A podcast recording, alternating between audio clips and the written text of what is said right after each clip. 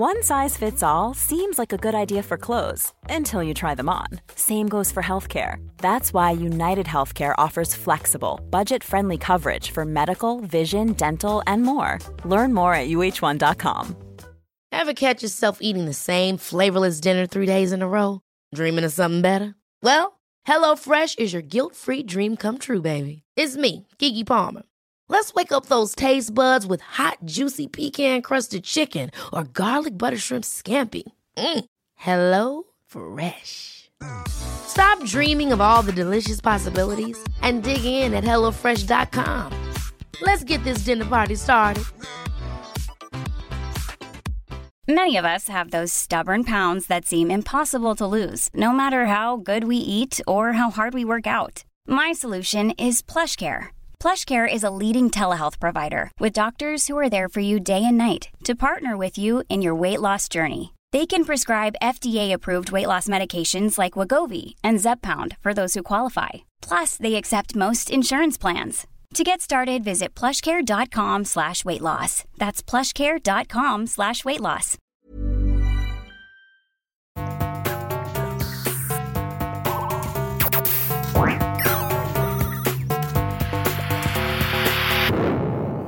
Velkommen til Sinnsyn. Jeg heter Sondre Risom Livre, er psykolog, og dette er Webpsykologens podkast. Hverdagspsykologi for fagfolk og folk flest.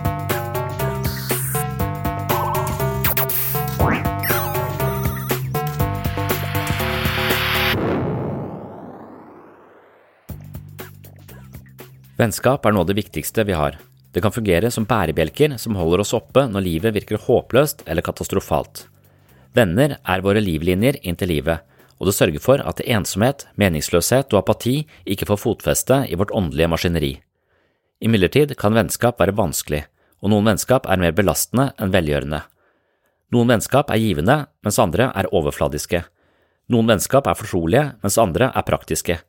Det er mange måter å ha venner på, men vennskap krever en viss investering. Uten å investere i vennskap blir avkastningen som regel ganske lunken. Hvordan vi skal forstå vennskap, og kanskje først og fremst de vennskapene som ikke fungerer helt optimalt, er tema i denne episoden av Sinnssyn. Jeg begynner med komiker Don Perlman, som sier noe om vennskap mellom menn som jeg kjenner meg igjen i. Jeg har selv en del venner jeg har hatt gjennom hele livet, helt fra barneskolen. Vi har holdt sammen i alle år, men treffer hverandre kun et par ganger i året, da vi bor på ulike kanter av landet. Dette er mennesker jeg trives sammen med, jeg bryr meg om dem, men jeg vet ikke så mye om hva de føler eller hvordan de har det. Jeg er heller ikke helt sikker på hvor mange barn de eventuelt har, og de vet ikke hvor mange barn jeg har. Dette er kanskje eksempler på vennskap mellom menn som kanskje er tufta på noe litt annet enn åpenhet og fortrolighet. It's nice being in a relationship though. You can be more emotional and honest and all that shit. I had no practice with that growing up because I only had male friends growing up. I never had any female friends. And guy friends, we never talked about anything that mattered. They're just like sports or whatever. It's weird. A lot of my friends have known him 20 years. I don't know anything about them. Not a thing. I have this one friend, Jay. I don't know anything about him. I don't know his feelings. I don't know his race. I don't know. I don't even know how to find out at this point. I just have to watch the next Olympics opening ceremony with him. See which flag he smiles at. Oh, Belarus. You don't talk about anything. But then in a relationship, you have to talk about shit. Like it's forced out of you. Like you don't have a choice, right? And now I get when you know sometimes you hear married men, they'll say about their wives sometimes like, oh, she's my best friend. But whenever you hear a guy say that, I think what he's really saying is like, I realized I never had a friend. Uh, I think she's, she's actually the first person to ask me a follow up question or maybe even know what my eye color is. It's Hazel. Who knew? It was Hazel.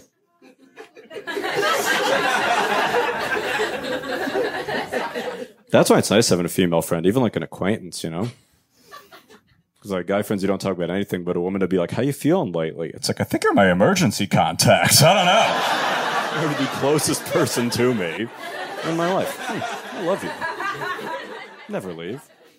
Men temaet i dag var eh, dårlige venner, eller kanskje vennskap. Det kan man jo egentlig si alt mulig om. Er Og jeg tror det å forstå relasjonene våre på litt nye måter kan være ganske eh, konstruktivt. Så det, det, å forstå dårlige vennskap, eller belastende vennskap, eller vanskelige relasjoner, det kan man gjøre på mange forskjellige måter. Og jeg vet ikke om det er så vanlig å tenke igjennom hva som egentlig skjer. Og det er mange måter å tenke på det. Og jeg tror psykologien eh, har en hel haug av ulike innfallsvinkler som kan i hvert fall kaste litt lys over de relasjonene som er vanskelige for oss. Og en måte å tenke på det er eh, via Freud, som snakker om komplekser.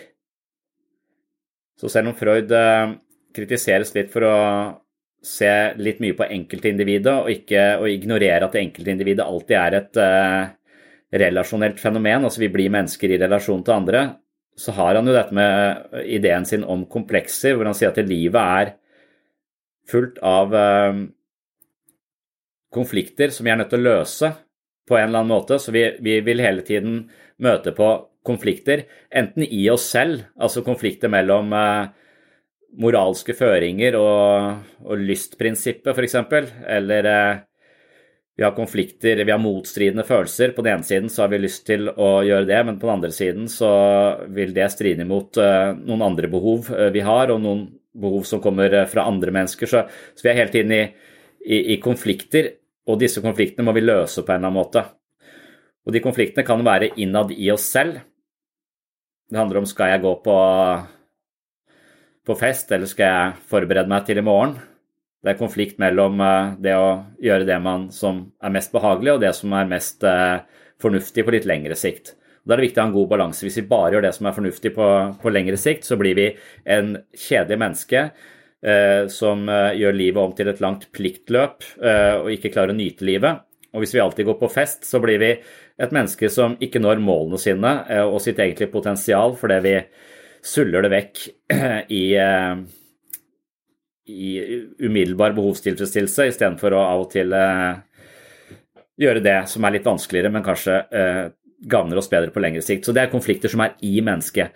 Men når det kommer til vennskap og forstå vennskap, så er det kanskje eh, konfliktene vi har i møte med andre, som vi klarer å løse på mer eller mindre gode måter.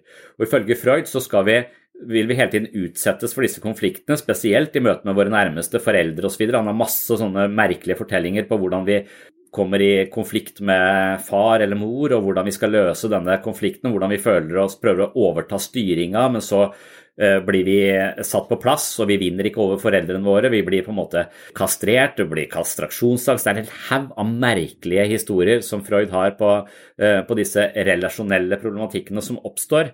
Og idet vi klarer å løse disse konfliktene med andre mennesker, så vil vi ofte få en slags, eh, vi, vi får en slags mellommenneskelig læring, og det vil være noe vi kan ta med oss inn i livet og dra nytte av senere i livet i nye relasjoner. Men idet det oppstår konflikter som vi ikke klarer å løse, så blir de mer eller mindre fiksert, ifølge Freud. Så de flytter inn i oss som en uløst konflikt. Og selv om vi da ikke lenger kjenner det mennesket hvor, ha, hvor denne konflikten oppsto, eller dette, det, dette tilhører en svunnen tid, så vil vi ofte i nye relasjoner gjenoppta, eller vi vil utspille den samme konflikten. Fordi dette nye mennesket på en eller annen måte minner oss om, eller ligner, den personen vi i utgangspunktet hadde en, en konflikt med. Så på en eller annen måte så er vi jo relasjonelle av natur. Vi er full av ulike relasjonserfaringer med ulike typer mennesker som vi tar med oss inn i, i nye relasjoner. Så, så det, det syns jeg er en litt sånn interessant måte å tenke på relasjoner på. At vi har eh, Ofte så har vi relasjoner som vi syns er veldig givende, og andre ganger så har vi relasjoner som vi syns er veldig vanskelige.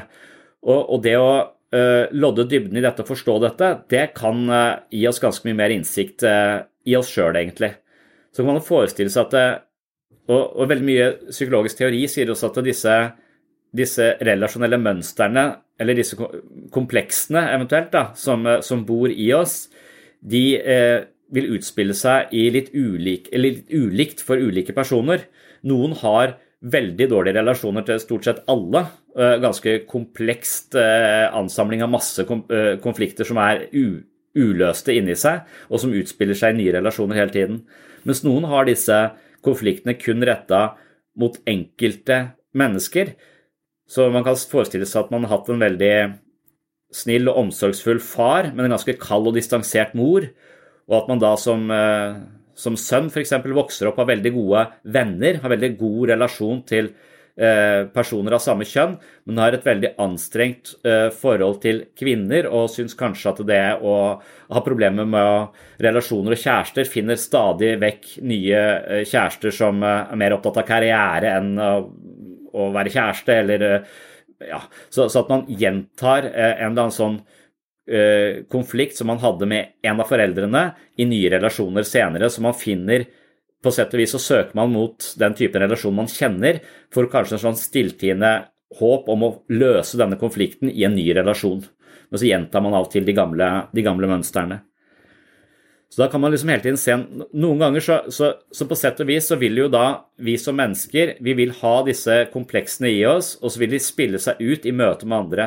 Og, og hvis de kompleksene er eh, problematiske, og disse konfliktene overhodet ikke har funnet noen løsning, så er sjansen for at de gjentar de og dytter de inn i nye relasjoner, ganske stor. Og da blir den personen vi er sammen med, en deltaker i vårt psykiske drama, som ikke selv engang husker, men som hele tiden likevel spiller seg ut. Så da har vi en tendens til å presse nye mennesker inn i de rollene som passer i den konflikten vi har til hensikt å løse, eller gjenta. da. Freud kalte det tvangsrepetisjon. Så når vi har problematiske relasjoner, så har vi ofte da en eh, Enten så er det vi som da på en måte legger ting inn i den andre personen som ikke nødvendigvis var der i utgangspunktet, bare fordi den personen ligner eh, en, en person vi har tidligere hatt en konflikt med på et, på et eller annet eh, nivå.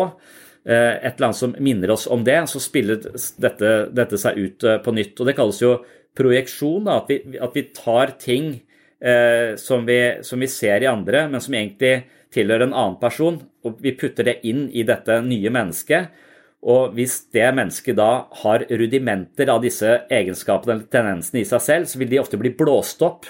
Og da kaller man det projektiv identifikasjon. Så vi kan vekke egenskaper og tendenser i andre mennesker som egentlig ikke hadde veldig stor plass i, dette, i denne personen, men det, i denne relasjonen så får du stor plass. Så vi kan gjøre andre mennesker om til noe de i utgangspunktet ikke er. Og den personen vil ofte ha en følelse av å miste seg selv litt i denne relasjonen, eller, eller skamme seg, eller føle veldig på at ja, kanskje tenke uff, jeg er et dårlig menneske, jeg håndterer ikke dette. Så, så vi kan jo på en måte vekke til liv egenskaper i andre mennesker som, som, nesten ikke hadde noe makt over det mennesket i, i, det hele tatt, før i denne relasjonen hvor vår konflikt overtok eh, dette, dette, landskapet. Og Det kan jo skje både på, på, godt og på vondt. Så vi kan risikere å bli en brikke i et annet menneskes psykiske drama på den måten, og da får vi ofte den følelsen at vi eh, vi kommer litt ut av karakter, eller vi, vi, vi blir minnet på deler ved vår egen karakter som vi kanskje ikke liker så godt, og som vi på en måte bare presses inn i. Men det kan jo også skje det motsatte, at er mennesker som har veldig masse gode relasjoner, har veldig masse fine samspillsmønstre, og så møter du dette mennesket, og så blir du putta inn i en eh, type dans med dette mennesket som du egentlig ikke er vant, vant til å danse, men som likevel er veldig eh, spennende og verdifullt. Så, så, du tenker åh, det, det, å møte et menneske var helt fantastisk for meg. Det var helt, det var helt utrolig. Dette har blitt min beste, beste, venn. Denne relasjonen er helt fantastisk. Fordi den personen hadde noen erfaringer som du da ble en del av, og så fikk du nye erfaringer i deg selv. Og så denne relasjonen var noe som flytta inn i deg, og den dansen kan du kanskje da danse med nye mennesker senere. Så det er jo litt det gruppeterapi som vi driver med eh, på morgenen i dag, handler om. da. Det handler om å undersøke hele tiden hvordan opplever jeg deg? Hva slags samspillsmønster har vi?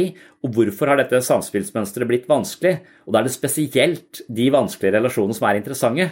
De relasjonene som går på skinner, hvor vi bare liker hverandre umiddelbart, de trenger vi egentlig ikke bry oss så mye om. Det er der det lugger. Det er der det er et eller annet, et eller annet som vi ikke forstår. En eller annen reaksjon. Jeg blir overdrevent irritert. Hvorfor blir jeg så irritert? Hvorfor bryr jeg meg så mye om dette? Det er der vi kan komme på sporet av våre egne indre komplekser, og potensielt sett løse de hvis vi løser eh, konflikten til dette mennesket, som nå er utenfor oss selv. Så Hvis vi forstår dette, så kan vi i nye relasjoner løse de eh, konfliktene som egentlig tilhører en svunnen tid, men som hele tiden gjentar seg fordi de ikke blir forløst. Så Det er også en slags idé i gruppepsykoterapi. Da, at vi med nye relasjonelle erfaringer kan forstå uh, tidligere uh, komplekser og korrigere de i disse nye eh, relasjonene. Men det er flere her som sier at de, de liker å Eller de, de, an, de, antar at de må være hjelpsomme, eller de har et slags behov for å hjelpe andre. Det kjenner ikke jeg meg igjen i, sånn nesten sagt.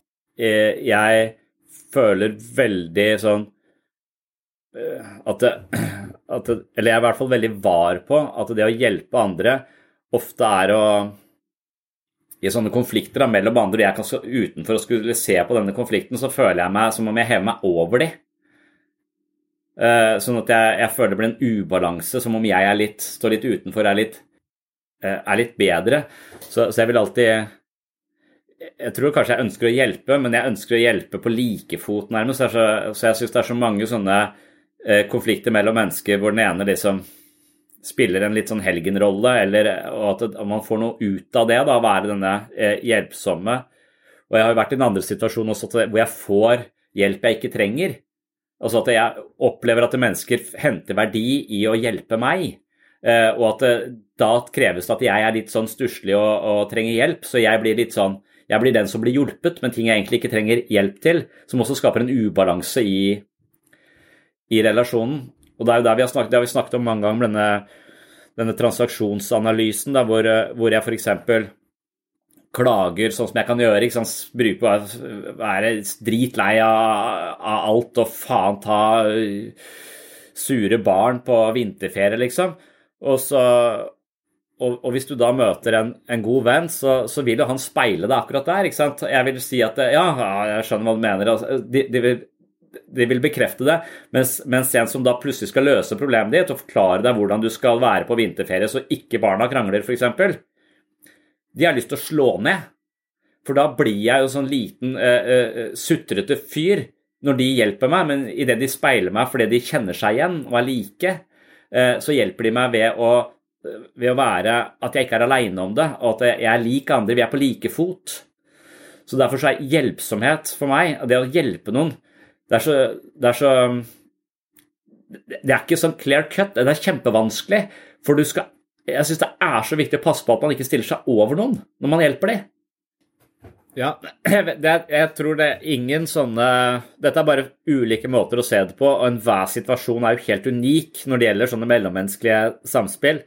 Men jeg tror vi, vi har godt av også hele tiden undersøke hva skjer i denne i dette trekantdramaet, f.eks., hvis det er tre stykker, hvis det er to som har konflikt, eller hvis du stadig kommer i denne posisjonen hvor du skal megle mellom to andre som har konflikt, så finner du kanskje en form for Eller noen mennesker finner da en slags egenverdi i å være denne konfliktløseren. Og da er de på, egentlig på et eller annet nivå så avhengig av at disse menneskene har konflikt. Eh, for, da, da, finner de denne vante posisjonen. Så, så det er ikke man, man, har nok kanskje en slags overbevisning om at man er der for å løse en konflikt, men det kan jo også hende at i sånne fastlåste mønster som er litt nær oss, at, eh, at de samme historiene gjentar seg gang på gang på gang på gang fordi vi ikke helt forstår dybden i de. Og det å forstå dybden i de, i de eh, mønstrene som dukker opp i livet vårt, det handler om å se hvilken hund har jeg i denne kampen her, hva, hva er det jeg ikke helt ser, eh, eller hvorfor agerer jeg på denne måten? Eh, og hvor har jeg det fra? Hvor havner jeg alltid i denne situasjonen? Og det er der jeg også tenker at det, så jeg syns det er interessant å Hvis du først kommer inn i et sånt perspektiv, da, at du, at du ser ting som gjentagelser uh, av typiske mellommenneskelige konflikter og samspill, som du også er en del av, men du ser aldri din egen del, fordi du ser ikke den flekken du står på. Og det å flytte seg for å undersøke sin egen flekk, det er på en måte selvutvikling. Og da tenker jeg også at nesten alle gode historier, all mytologi, alle fortellingene vi forteller oss, handler om denne typen typiske samspill mellom mennesker. Så, så også, hvis du er interessert i din egen rolle inn i ting, eh, så, så kan, du, kan, du, gå i psykoanalyse, men du kan også eh, på en måte hente, se disse erfaringene og disse varianter av dette også utenfor deg selv i populærkultur, på Netflix. Eh, i bøker på biblioteket.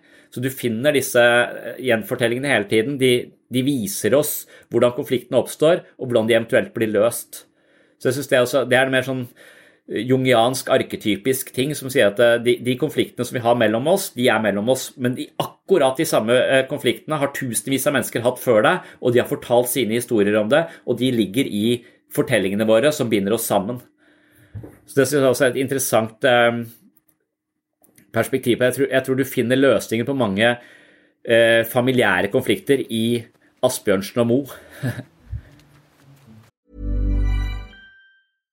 How would you like to look five years younger? In a clinical study, people that had volume added with Juvederm Voluma XC in the cheeks perceived themselves as looking five years younger at six months after treatment. Look younger, feel like you. Add volume for lift and contour in the cheeks with Juvederm Voluma XC. Reverse signs of aging by adding volume to smooth laugh lines with Juvederm Volure XC. For important safety information and to find a licensed specialist, visit juvederm.com. That's J U V E D E R M.com. Not for people with severe allergic reactions, allergies to lidocaine, or the proteins used in Juvederm. Common side effects include injection site redness, swelling, pain, tenderness, firmness, lumps, bumps, bruising, discoloration, or itching. There's a risk of unintentional injection into a blood vessel, which can cause vision abnormalities, blindness, stroke, temporary scabs, or scarring. Talk to a licensed specialist to find out if it's right for you.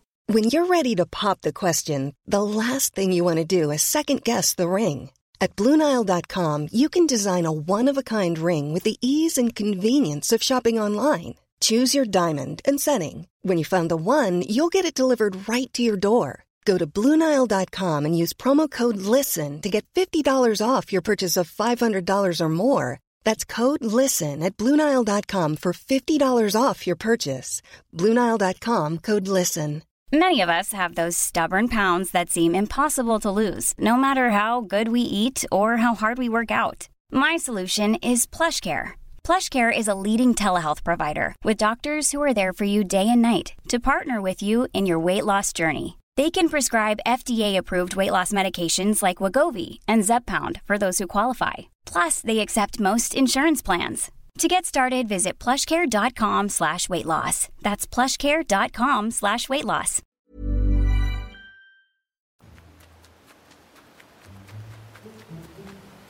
Hvem er det som tripper på min bru? Å, eh, nei, altså, det er det minste trollet trampe. Eh, jeg skal til seters og gjøre meg feit. Nå kommer jeg og tar deg!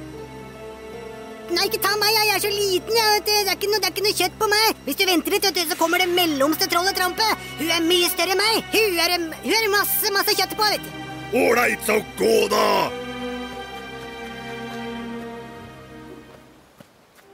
Ja, for det kan være et annet behov vi har ikke sant, med oss inn i en relasjon. Og, og det er nok der, eh, der folk er mer eller mindre tett på. Da. Og det har vi snakket om for i hvilken grad vi tåler følelser. For hvis du tåler sterke følelser, så kan du være i enhver situasjon med en form for nysgjerrig interesse. Men hvis du er veldig var på eller har veldig lav toleranse for konflikt f.eks., så vil du kanskje gå inn som det vi i gruppeterapi kaller et sosialt visklær, som prøver å viskle ut alle uoverensstemmelser, sånn at det blir god stemning, men egentlig så undergraver man det som, det som ligger og murrer. Og jo mer man undergraver det, til slutt så blir det totalt krasj, på en måte. det kommer til overflaten, eh, gjerne rundt juletider. På, på, når akkurat idet ribba har fått uh, sprø svor, så, så, kommer alt. For nå har vi viskla det ut over så lang tid. ikke sant? Så, så det er jo at vi, vi, ønsker jo at folk skal ha det bra sammen, men ønsket vårt er såpass sterkt, og det tuftes på en lav toleranse for sterke følelser, og derfor så blir det også å, å måtte undergrave en hel haug med aspekter for å kunne oppnå denne, denne balansen man selv har behov for. Så, så, der tenker jeg at jeg vil, vil ofte Det å ikke ha en hund i denne kampen Jeg kan godt tenke jeg, godt, jeg tror jeg kan jeg tror eh, Og der tror jeg familien må spille en rolle. Hvor, hvordan har vi lært å håndtere sterke følelser? Har vi lært at det er farlig eller ikke farlig? Mens jeg kommer uh, fra en familie hvor, hvor, folk ryker uklare om å gå ut og lufte seg, for så å komme inn, komme inn igjen. Så det er, det er naturlig for meg, så, så lenge jeg ikke er med i konflikten, så kan jeg bare godt være interessert i at den eskalerer litt, for å se hva som skjer. Altså At jeg kan ha en viss interesse og nysgjerrighet på denne uoverensstemmelsen og se hvordan, hvordan den eventuelt blir løst. Eh, og hvis folk da går til angrep på hverandre, så må vi prøve å stoppe det. Men så lenge de kun går verbalt for seg, så, så tror jeg vi har veldig forskjellig toleranse for hvor mye av det vi, det vi tåler. Og det er ikke og Veldig ofte så går det for langt. Det er totalt feil å bare akseptere all mulig sånn verbal krig. Det havner i kaos, det også. Men å finne den der balansen mellom å ikke å, faktisk kunne uttrykke ting og ikke kunne uh, uh, uttrykke ting, det, det, det, tror jeg er også et slags kjennetegn på psykisk helse. At vi må finne hvordan er jeg som menneske når det gjelder denne balansen mellom å nærmest uh, synes det var litt gøy med kaos og uoverensstemmelse og sterke følelser, kontra det å, å, kanskje prøve å forstå det og roe det ned og skape forsoning. da. Også at uh, Det er veldig viktig at vi, vi finner en sånn cutoff der som, er, uh, som, skaper gode relasjoner. Ofte så er de, de som hjelper på den måten du snakker om der, en form for Det er et slags, det regnes faktisk som et psykisk forsvar, altruisme. At du, at du kronisk hjelper andre for å Eh, selv føle deg litt bedre, men også kanskje da en slags underliggende eh, jakt på den bekreftelsen på eh, din viktige rolle fordi du ikke føler deg viktig i utgangspunktet. Så, og, det, og, da er det litt sånn snikete, det spillet. Det er et veldig det, er et, det, er et, behov alle mennesker har, å føle seg anerkjent og bekrefta og ha verdi. Og hvis du føler du mangler den verdien, og tilkjemper deg den verdien nettopp på den måten å være til hjelp for, eh, for andre, så tror jeg du også veldig ofte går rundt og føler deg skuffa over andre. Det er veldig vanlig eh, å ha den holdninga at eh, jeg, alle, jeg hjelper og hjelper og hjelper, men ingen hjelper meg tilbake igjen. Så at man, man kanskje også da har et mønster hvor man er litt sånn vaksinert for å ta imot den støtten. Man legger ikke merke til det engang når noen er interessert den veien. Derfor så har man et sånn skeivt bilde av at jeg hele tiden bare gir og gir, men aldri, eh, aldri får. Og da kan du også hvile i den ideen om at verden er dust, eh, og, og, jeg er en eh, helgen, som er jo en, en slags eh, forsoning for den underliggende følelsen av å ikke være en helgen, men å være ganske verdiløs. da. Så et ganske sånn destruktivt mønster hvor du sannsynligvis på et eller annet tidspunkt må lære deg å hvis du, altså, Det er litt ditt ansvar også at det er balanse i relasjonene. ikke sant? Så, så, hvis du hele tiden sørger for å være den hjelpsomme, så setter du andre som Jeg føler jo veldig på at det å være hjelpsom, det setter andre i den litt Du kan skape en ubalanse, en asymmetri i relasjonen. Og, og, hvis jeg ikke sørger for at hele tiden sørger for at vi har et likestilt forhold, så er det ingen av oss som har noe godt av det. Selv om jeg da blir den mest hjelpsomme og kan sole meg i det. Altså nei, det, det er ikke en, eh, en, god relasjon. Hvis jeg har hjulpet deg mer enn du hjelper meg, så skal jeg faen meg sørge for at du hjelper meg litt tilbake igjen, sånn at det kommer, eh, kommer i balanse her. Jeg tenker ikke nødvendigvis sånn på det, men jeg tror de beste relasjonene nettopp har det ved seg, og da kan man kanskje ta ansvar hvis det er noen som suger deg for energi, en dårlig venn som bare suger og suger skal ha og ha, så kan det være ditt ansvar å kreve noe tilbake igjen. For idet du krever noe, så får du noe, pluss at du gjør den andre personen til et bedre menneske. Du den, gjør den andre personen Du gir den andre personen en mulighet til å være et, et godt menneske fordi du, du spør om noe. Og det vil være kanskje mye, mye mer hjelpsomt enn å hjelpe, altså kreve noe tilbake igjen. Det er kanskje det mest redelige vi kan gjøre for uh, det man kanskje ville kalle psykiske vampyrer som hele tiden skal ha noe. Det å sette grenser uh, og, og, be om den hjelpen tilbake. Da. Jeg lurer på om det ligner på det forsvaret som kalles hjelpeavvisende klage, som vi også har snakket om i denne gruppa mange ganger tidligere. Litt sånn interessant forsvarsmekanisme som kanskje ikke sånn umiddelbart lett å forstå, og jeg vet ikke helt om jeg har forstått den 100% men jeg mener jeg har sett den eh, ganske mange ganger eh, i ulike settinger. Og jeg ser ikke meg selv, så jeg bruker den sikkert sjøl også, men, men, jeg ser den hos andre, da. For det er lettere, for der står man utenfor. Man står jo ikke nødvendigvis utenfor seg selv eh, og ser alt man selv driver med. Men, men, men jeg husker en sånn gruppesituasjon inne i grupperommet her sånn, hvor vi hadde sånne mapper hvor alle skulle skrive noe på disse arka. Og så var det en da i gruppa som manglet et ark, og hver gang man mangler et ark, så kan man be om å få et Jeg mangler et ark, så har vi et ark som ligger i mappa. Og da jobbet jeg sammen med en annen Da var det ikke Jorunn som var i den gruppa, det var en annen eh, eh, dame eh, som jeg da eh, var min kollega. Fantastisk eh, menneske. Og så gikk vi liksom da rundt, og så skulle alle sitte og tenke litt på hva de skulle skrive på det arket. Og da vi da kom til slutten av tida, så sa hun, hun ene nei, jeg har ikke fått tenkt noe, for jeg hadde ikke det arket. Og hun visste godt at hun kunne bedt om det arket, men ved nå å ikke be om det arket på et tidligere tidspunkt, så kommer vi i en sånn slags posisjon hvor Oi, vi har glemt deg. Og nå Nei, du, altså du typisk deg som alltid blir glemt, da. Eh, ikke sant? Så, så så rammes vi av en sånn flodbølge av skyldfølelse for at vi kunne være så lite omtenksomme og ikke huske på dette mennesket. Og det gikk rett inn i min koterapeut, mens jeg etter hvert når du skjønte det, så blir du fly forbanna for at jeg satt deg i den posisjonen hvor du skal få dårlig samvittighet for noe du har forsømt å gi dette mennesket som du kunne bedt om selv.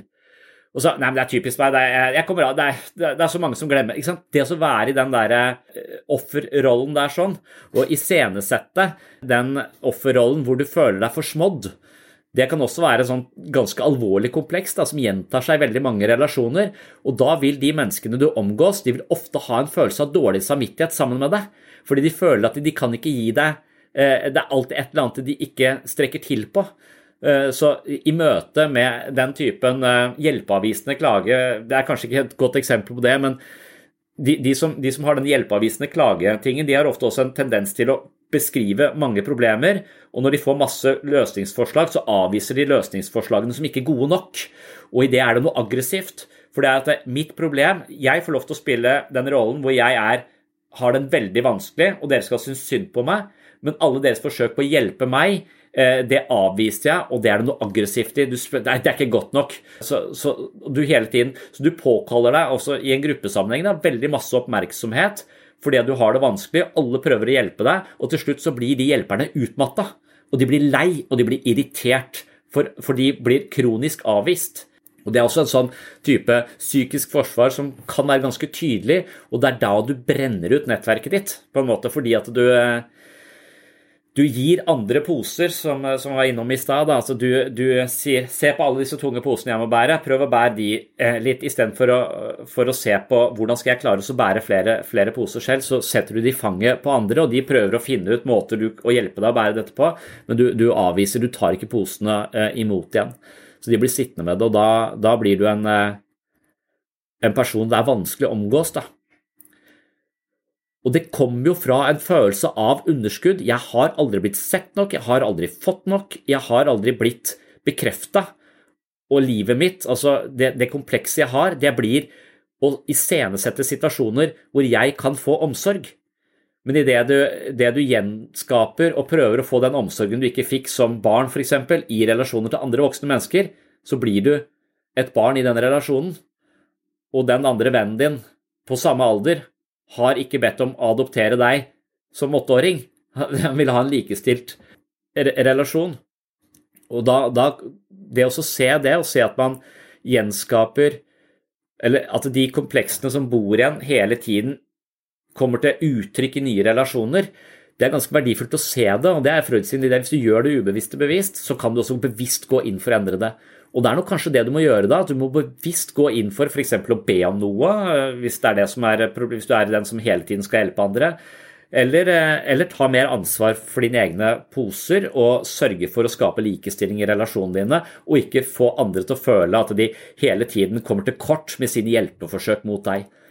For hvis du har det vanskelig, ber om hjelp, og andre kan hjelpe deg, så gir du de menneskene altså Hvis, det, hvis dette er et, på et ærlig og oppriktig nivå uten for mye psykisk forsvar, så vil jo den andre personen føle seg verdifull. Jeg har klart å hjelpe deg. Min hjelp hjalp deg. Det er en vinn-vinn-situasjon. Og da, da, er det jo Det å tørre å be om noe, det kan jo være å gi andre en gave til å være en mulighet til å være et godt menneske.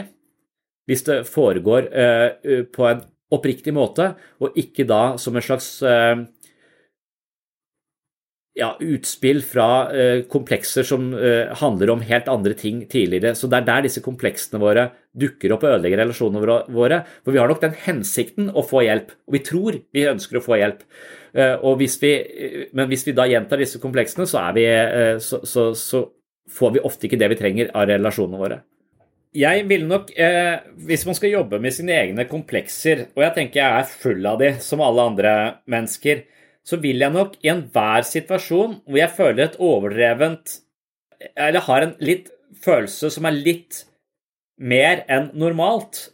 Under, være nysgjerrig på den følelsen, fordi jeg ofte, hvis jeg reagerer mye på et annet menneske, så, så er det ikke en, en helt Hva skal vi si ren reaksjon. Den reaksjonen er ofte da tufta på mine Den er farget av mine egne komplekser. Og i og med at jeg reagerer så veldig, så, så vil det være et Jeg planter et flagg der sånn, og så tenker jeg at det, her må jeg kikke litt mer, tror jeg. Så, så jeg ville se på Hvis jeg, jeg er i en gruppeterapi og jeg får et voldsomt behov for å hjelpe en av de som er sånn veldig Og deg må jeg hjelpe så vil jeg være litt varsom. For jeg vil ikke handle, selv om jeg føler at det kommer fra hjertet mitt, så vil jeg kanskje tenke at oi, jeg føler litt det samme for deg som er 45 eh, år, som jeg føler for dattera mi på fire. Her er Den følelsen av å måtte hjelpe deg så mye, den er sannsynligvis med på å gjøre deg til et barn, for du er jo ikke et barn. Altså, så, så, hvis jeg får en voldsom sånn overveldende trang til å hjelpe noen, så vil jeg plante et flagg der og tenke at oi, den der skal jeg ikke eh, reagere på umiddelbart. Der skal jeg finne ut av litt mer hvorfor, eh, og om jeg i verste fall gjør dette mennesket mindre enn dere trenger å være, ved å nettopp gjenskape den relasjonen hvor de kanskje hele tiden utstråler en form for hjelpeløshet som veldig mange ønsker å hoppe på og pakke inn og hjelpe rundt og bære rundt i denne verden, noe som bare forsterker deres eh, følelse av avhengighet og hjelpeløshet, og ikke det de egentlig trenger, mer autonomi, mer selvstendighet, mer troa på seg selv. Så, så, jeg er eh, tror jeg, jeg tror det er sånn man kanskje jobber med seg selv, at hver gang man møter et menneske hvor man får en sterk følelse for noe, så, så, så er, kan man være litt interessert i det. Jeg er ikke fullt så interessert i det når jeg, når jeg får veldig gode følelser for mennesker. For, for noen ganger så får jeg sånne jeg føler at når jeg virkelig blir glad i et menneske, beundrer et menneske og virkelig respekterer et annet menneske i gruppeterapi, så er de som regel ferdige. Da, det, da har vi løst mine komplekser, den andres komplekser. Vi har gått mange runder, vi har hatt mange uoverensstemmelser, og på et eller annet tidspunkt nå så har vi klart å eh, kanskje Det føler jeg er eh, hva skal man si, frynsegoden da, ved å jobbe i gruppeterapi. At du kan ikke komme utenom at du er full av komplekser selv som du kommer til å måtte løse i relasjon til de andre menneskene som er i den gruppa. Og nå har jeg holdt på med det i 15 år, og jeg er fortsatt full av komplekser. Så da, da er det jo Hvor lenge skal dette vare? Når blir jeg et rent menneske uten komplekser? Jeg tror ikke det fins, for jeg tror det skapes nye hele, hele tiden. Men, eh, så, så, jeg er jo sånn, eh, som terapeut da, sånn kronisk Eh, på jakt etter følelser som er litt mer enn normalfølelse. Og der reagerte jeg litt mer Oi, jeg har ikke kjent deg mer enn eh, tre, fra tre gruppesesjoner, og likevel så føler jeg så stor kraft i din retning. Hva er denne kraften jeg føler akkurat i din retning nå? Hvorfor gjør jeg det? Så, sånne ting vil jeg Hver gang jeg får folk inn i gruppeterapi som jeg reagerer, reagerer på, så er det Da tenker jeg yes, det er, her kan vi lære mye hver gang du møter mennesker som du bare tenker det er fantastiske folk, altså skulle, vi kunne vært eh, bestevenner. altså Her er det ingenting. Da må du leite virkelig med lupe, for da, da, du, da er det masse du ikke ser, sannsynligvis. Og så, og så, er det ikke noe så litt vanskelig å jobbe med. Så tenker jeg hva faen er du her, liksom? you ever meet somebody and they're so boring you feel like they poisoned you? Like you're talking to them and you're like, I feel like I'm dying right now. And I think you did it. This guy's name is Craig. I met him. I made sure to get it. I was like, I'm going to remember you for the rest of my life, man. He, I met him at the bank. Is he a bank teller? No. Is he a security guard? Nope. What's his job? I don't know. Whatever they call that guy that stands in the lobby of banks now, where you like you walk in and you're like, "Do you work here?" And he's like, "I think so." That guy, the lobby liaison. Well, I saw him. We made eye contact. I don't know how you work. For me, if we make eye contact during the day, not at night, but during the day, out of human decency, I acknowledge you. So that's what I did. We made eye contact, and I go, "How you doing?" And he went, and I was like, "Okay." So then I get to the second set of doors to walk in. And as I reach for that door, I hear, uh, You going to the bank?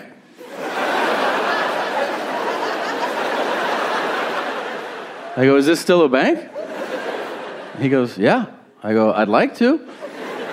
And he goes, Go for it. And I was like, Okay, thanks. And then I reach back and he goes, uh, I'm going to Virginia next week. Are you telling me that? He goes, You said, How you doing when you got here? I had to think about it. That's what I'm doing. I go, That's the craziest shit I've ever heard anybody say. And also, not how that question works, but all right. And now I reach back and he goes, Yeah, my sister lives there. And I'm like, How long she lived there? Now I'm roped in. He goes, 15 years. And I go, You've never been? And he goes, Uh uh Now I'm starting to look at him like, Hey man, do you drive to work or does somebody drop you off? You know what I mean? I think he could. yeah. I think he could see it in my face because out of nowhere he goes, I drive. I was like, That's cool, man. That's cool. I drive too. That's crazy. Uh, I got to get in here.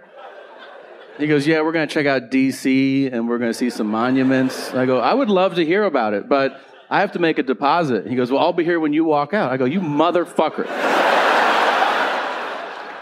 fuck that guy and fuck everybody like him. If you have the audacity to tell people how you're doing when they say how you doing, that shit is rude and selfish, all right?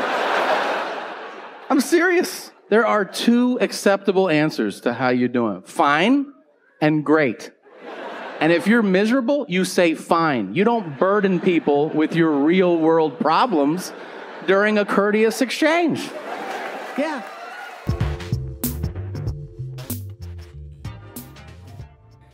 Ja, jeg syns ikke det er noe realt å holde alt for seg selv heller. For, for det er nettopp det som, eh, som konstituerer en, en, nær og god relasjon, er jo muligheten for å få se andre menneskers poser, for å få se andre menneskers utfordringer, og for å vise de at ja, den utfordringen der, den ligner min. Hvordan løste du den? Nei, jeg har ikke løst den. Ikke jeg heller. Altså at vi, at vi binder vi, vi, vi knytter sterke bånd ved å være åpne. Mens hvis du hele tiden tenker at jeg belaster andre med mine ting, derfor skal jeg holde alt for meg selv, så, så, så blir du en, et tre, da. Altså, du, du, det er vanskelig å ha et veldig nær relasjon til en trestamme. Altså, du tenker Den lever, men hva faen den tenker, det veit jeg ikke. Den står helt stille. Så, så, så det er vanskelig å elske noen, og det er vanskelig å mislike noen. Det er veldig lett å føle seg fremmed og sånn alene i en relasjon hvor, ingen, hvor man ikke er åpen. Ja, du er ensom blant mange når du holder alt dette for deg selv og tror at det er belastende å vise det. Og så er det jo sant at det er belastende å vise det hvis du gjør det på feil måte. Det er sant at Hvis du tar de posene og bare setter i fanget på noen andre, så blir du en belastning. Men idet du åpner den og viser det, så skaper du et nært bånd. Så det er som om de kanskje misforstår dette. Kanskje de har opplevd at ja, men jeg har opplevd at når andre uh, kommer med sine poser, så blir jeg bare helt overvelda og nedtrykt. Altså, jeg orker ikke andres problemer. Altså, den, den ideen Andres problemer kan være noe du får i fanget, og det kan være jævla tungt, men andres pro problemer kan også være det som skaper Det som gir deg en følelse av å forstå noe nytt, være til hjelp, uh, speile deg i en annen, skape et nært bånd. Så, så, det kommer helt an på hvordan man gjør akkurat, akkurat det der. For, for, det var jo et sånt meme for litt siden. Jeg tror vi snakket om det her i gruppa også. Den, eh, hvis du Når mennesker har utfordringer rundt deg og henvender seg til deg på en eller annen måte, så kan du ikke helt vite hva det er de ønsker. Og så var det et sånt meme som sa nettopp det du sa nå, at man, man da bør spørre om vil du ha trøst, eller vil du ha uh, løsningsforslag. Og det, det, ville, det, ville, skape ganske mye bedre relasjon hvis folk eh, drev med det, da. Og så har jeg, jeg har tenkt litt på det, for jeg, jeg hvis, hvis, jeg har et problem, og jeg går til noen med det, og jeg egentlig bare trenger trøst, og de sier 'vil du ha trøst', eller 'vil du ha løsningsforslag', og hvis de da har en løsning på det problemet jeg har, så det også Nei, jeg vil ikke ha løsningen. Altså, det virker på meg som Jeg lurer på om jeg hadde turt å si 'nei, jeg vil ikke ha noen løsninger'. Jeg vil bare ha, ha trøst. Men, men, jeg tror det er en god, en, en god måte å, å, tenke på, og kanskje man kan bli ganske god på å forstå hva andre egentlig trenger, og hvordan løsningsforslag virkelig kan være å bare egentlig skalle de ned. Eh, for de har selvfølgelig tenkt på det fra før. Eh, men, eh, men problemet er at de ikke føler de får det til, og de er lei seg. De trenger trøst og ikke nettopp den samme, den samme løsningen. Da. Så psykoterapien har liksom funnet en tredje vei her. Da, for at du kommer jo i en situasjon hvor hvis du følger det prinsippet du sier Vil du ha moralsk støtte, eller vil du ha råd? Det, det, det fins vel flere ting også. For, for hvis da personen sier 'jeg vil bare ha moralsk støtte', og de kommer med en eller annen utgreining som du da er påkrevd å støtte, men du ser er å sementere et mønster de har gjentatt hele tiden, du, de, du, bekrefter ja, det var lurt av deg å ikke ta den jobben likevel. Men du tenker nei, det er nettopp det du alltid gjør. Du unngår alle nye utfordringer, og derfor er du helt parkert i livet ditt. Så alt i deg, eh, alt du mener å forstå om det andre mennesket, det føler du vil være Hvis du da bare bekrefter deres opplevelse, så vil du sementere et mønster som er skadelig for dem. Så du kan komme selv i et moralsk dilemma også overfor den andre hvis den andre bestiller moralsk støtte og du eh, tenker at det vil være å beja noe som overhodet ikke er sunt for vedkommende. Og da har jo psykoterapien funnet ut at det du må gjøre, er jo ikke å gi vedkommende råd eller si akkurat hva du, hva du tenker, men du må spørre den andre om hva er det i posen din. Altså du, så Det er spørsmålet som er løsningen her, den sokratiske måten å være på. altså Istedenfor å komme med råd, be vedkommende grave dypere ned i posen, for du spør ja, men hva er det der, ja, men hvordan kom du til å tenke sånn? Så du tenker sånn om det, ja. Eh, jeg ville kanskje tenkt sånn om det, hva tenker du om det? Hvordan ville du Altså at du hele tiden stiller du, du får vedkommende til å åpne posen din, og be, du tvinger vedkommende til å beskrive hva som er oppi der. Du tar verken posen imot, du gir ingen råd, men det er veldig Ja, du kan få vedkommende til å prøve å reflektere over seg selv ved å stille spørsmål, men hvis du stiller spørsmål på en veldig lada måte, altså ikke med en genuin nysgjerrighet, men med en allerede eh, forutinntatt innstilling om at du vet hva vedkommende trenger, eh, så, så, er det Så den, den store altså se, utfordringen for å være et godt medmenneske eller en god terapeut, eller hva det skal være, det er jo å slå fra seg litt den ideen om at du tror du veit hvem den andre er eh, på forhånd og Det kalles jo fenomenologi. Det prøver, prøver å ha en slags holdning uten forforståelse, som er veldig veldig vanskelig, pluss at det kreves impulskontroll. Det syns jeg kanskje er det vanskeligste med å være terapeut. Jeg er veldig lett for å bare si akkurat hva jeg tenker den andre burde gjort, istedenfor å stille de spørsmålene fordi jeg, jeg, hopper til konklusjoner for raskt, og det, er, det krever så mye impulskontroll hos meg å, å avvente litt, fordi jeg kanskje ikke helt har skjønt det. Det, det, det tror jeg er det vanskeligste. Eh, men, men er, det, er, noe annet enn å enten gi moralsk støtte eller gi gode råd, så er dette å stille den andre spørsmål om hva som er i posen. For da, da sier du at du har fortsatt posen din, og du må åpne den for å, for å fortelle meg hva, hva, som er der, og kanskje oppdager du noe nytt.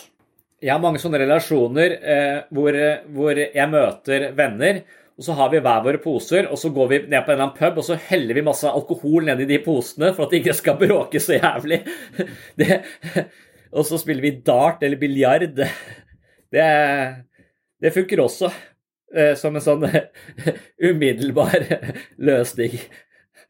Så slipper vi å bry oss. Da har vi drukna de posene for lenge siden. Så slipper vi å bry oss med det. I love drinking. Hate people who don't drink. Never met an interesting person in my life who didn't drink. If you don't drink, you're a boring cunt and all your stories suck.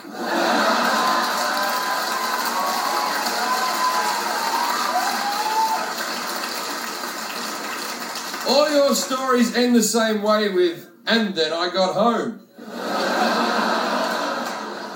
No one gives a shit that you've been promoted at work, and no one gives a fuck that your kids don't have bruises.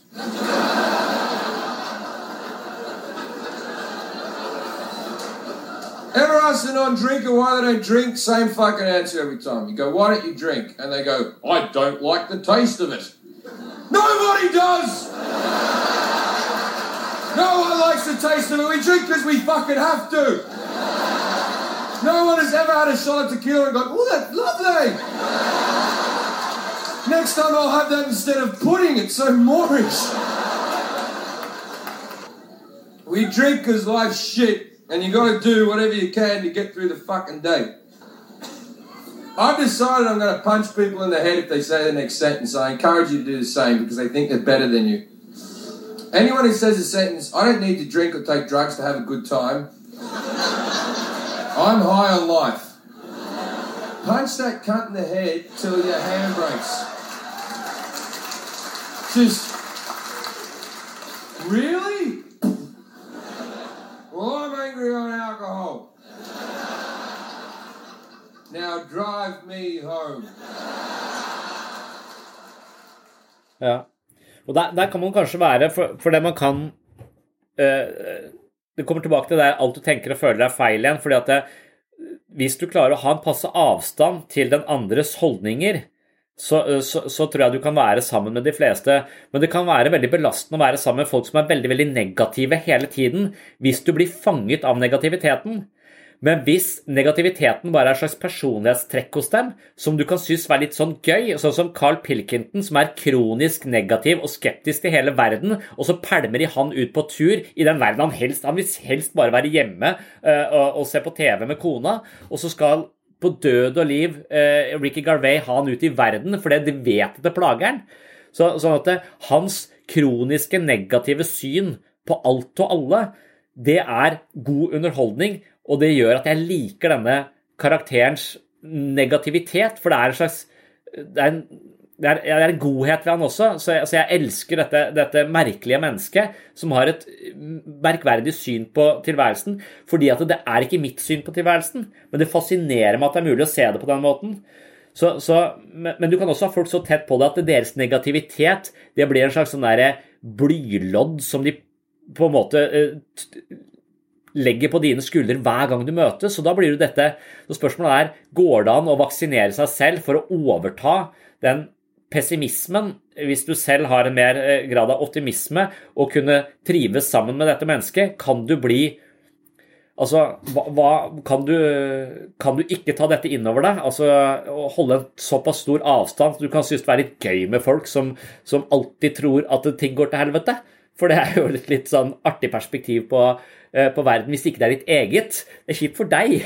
Men, men da er det spørsmålet er det mitt ansvar å endre den andres uh, syn. Og hvis jeg aktivt går inn for å endre det, så tror jeg bare vedkommende blir enda mer sånn som Altså, Jeg tror den bare enda mer forsvarer sitt negative syn på verden. Men hvis du da begynner å spørre til hvordan du har begynt å tenke så jævla negativt, så kan det jo være at det faktisk øh, finner en øh, At vedkommende finner noen litt andre perspektiver av seg selv. da.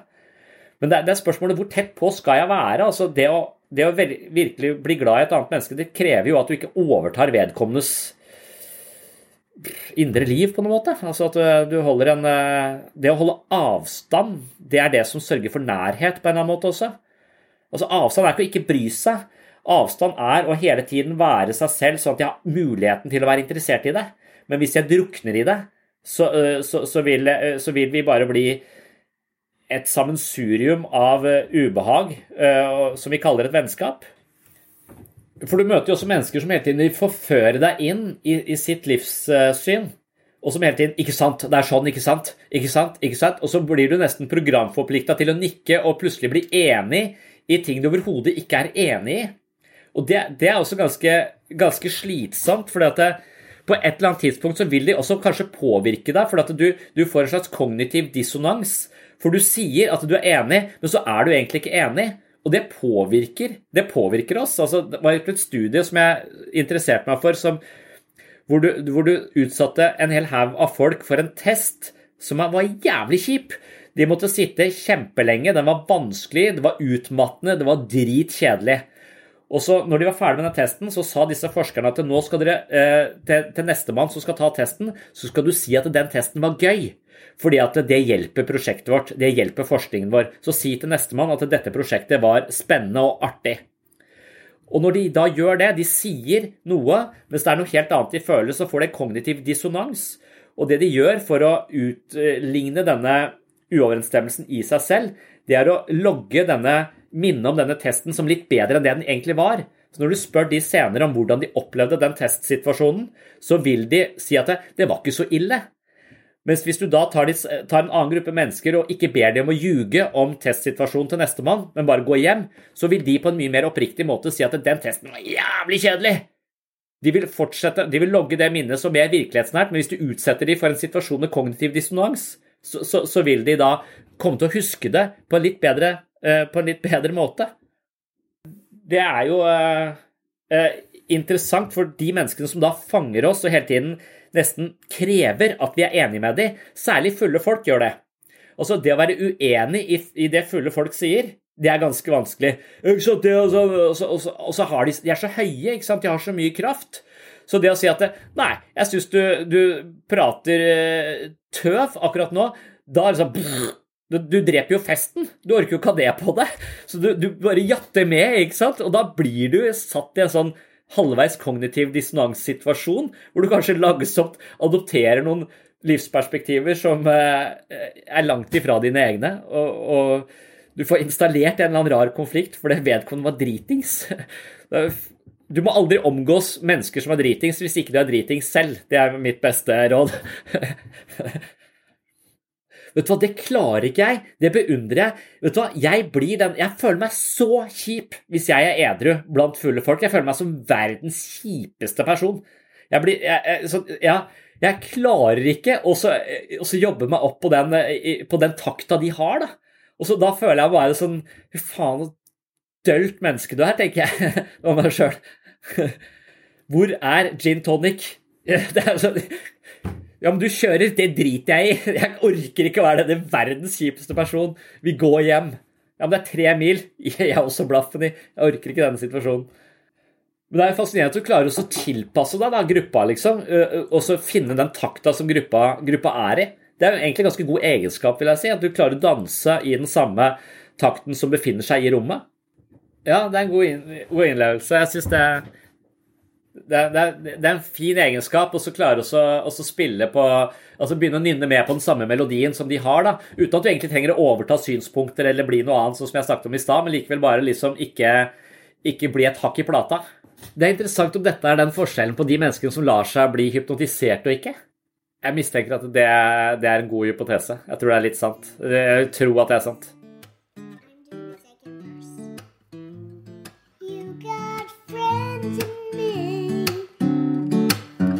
Det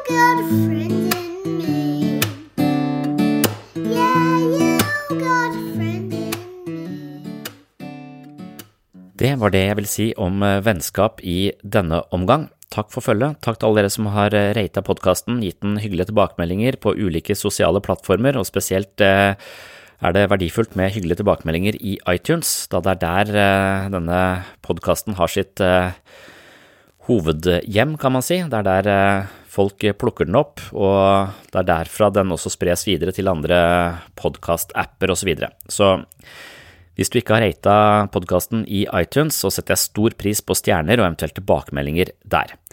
Jeg er også veldig glad for at jeg nå har ganske mange Patron-supportere som støtter dette prosjektet med et uh, abonnement hver måned. Det sørger for at jeg kan holde hjula i gang her på Sinnsyn uke etter uke, også her på den åpne podkasten.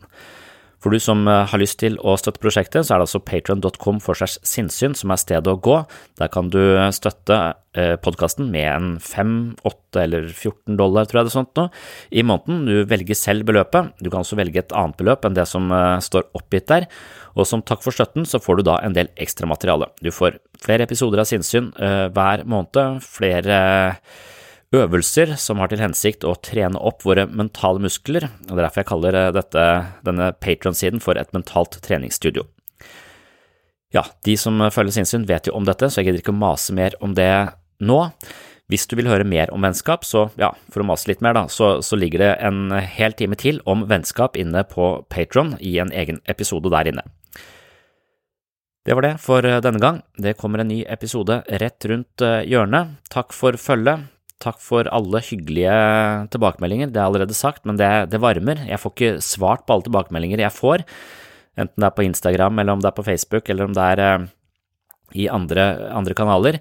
Jeg prøver å svare på så mange jeg, klarer, men dere skal vite at jeg leser alt som kommer min vei, og jeg setter enormt stor pris på det. Så tusen hjertelig takk. Det var det. På gjenhør.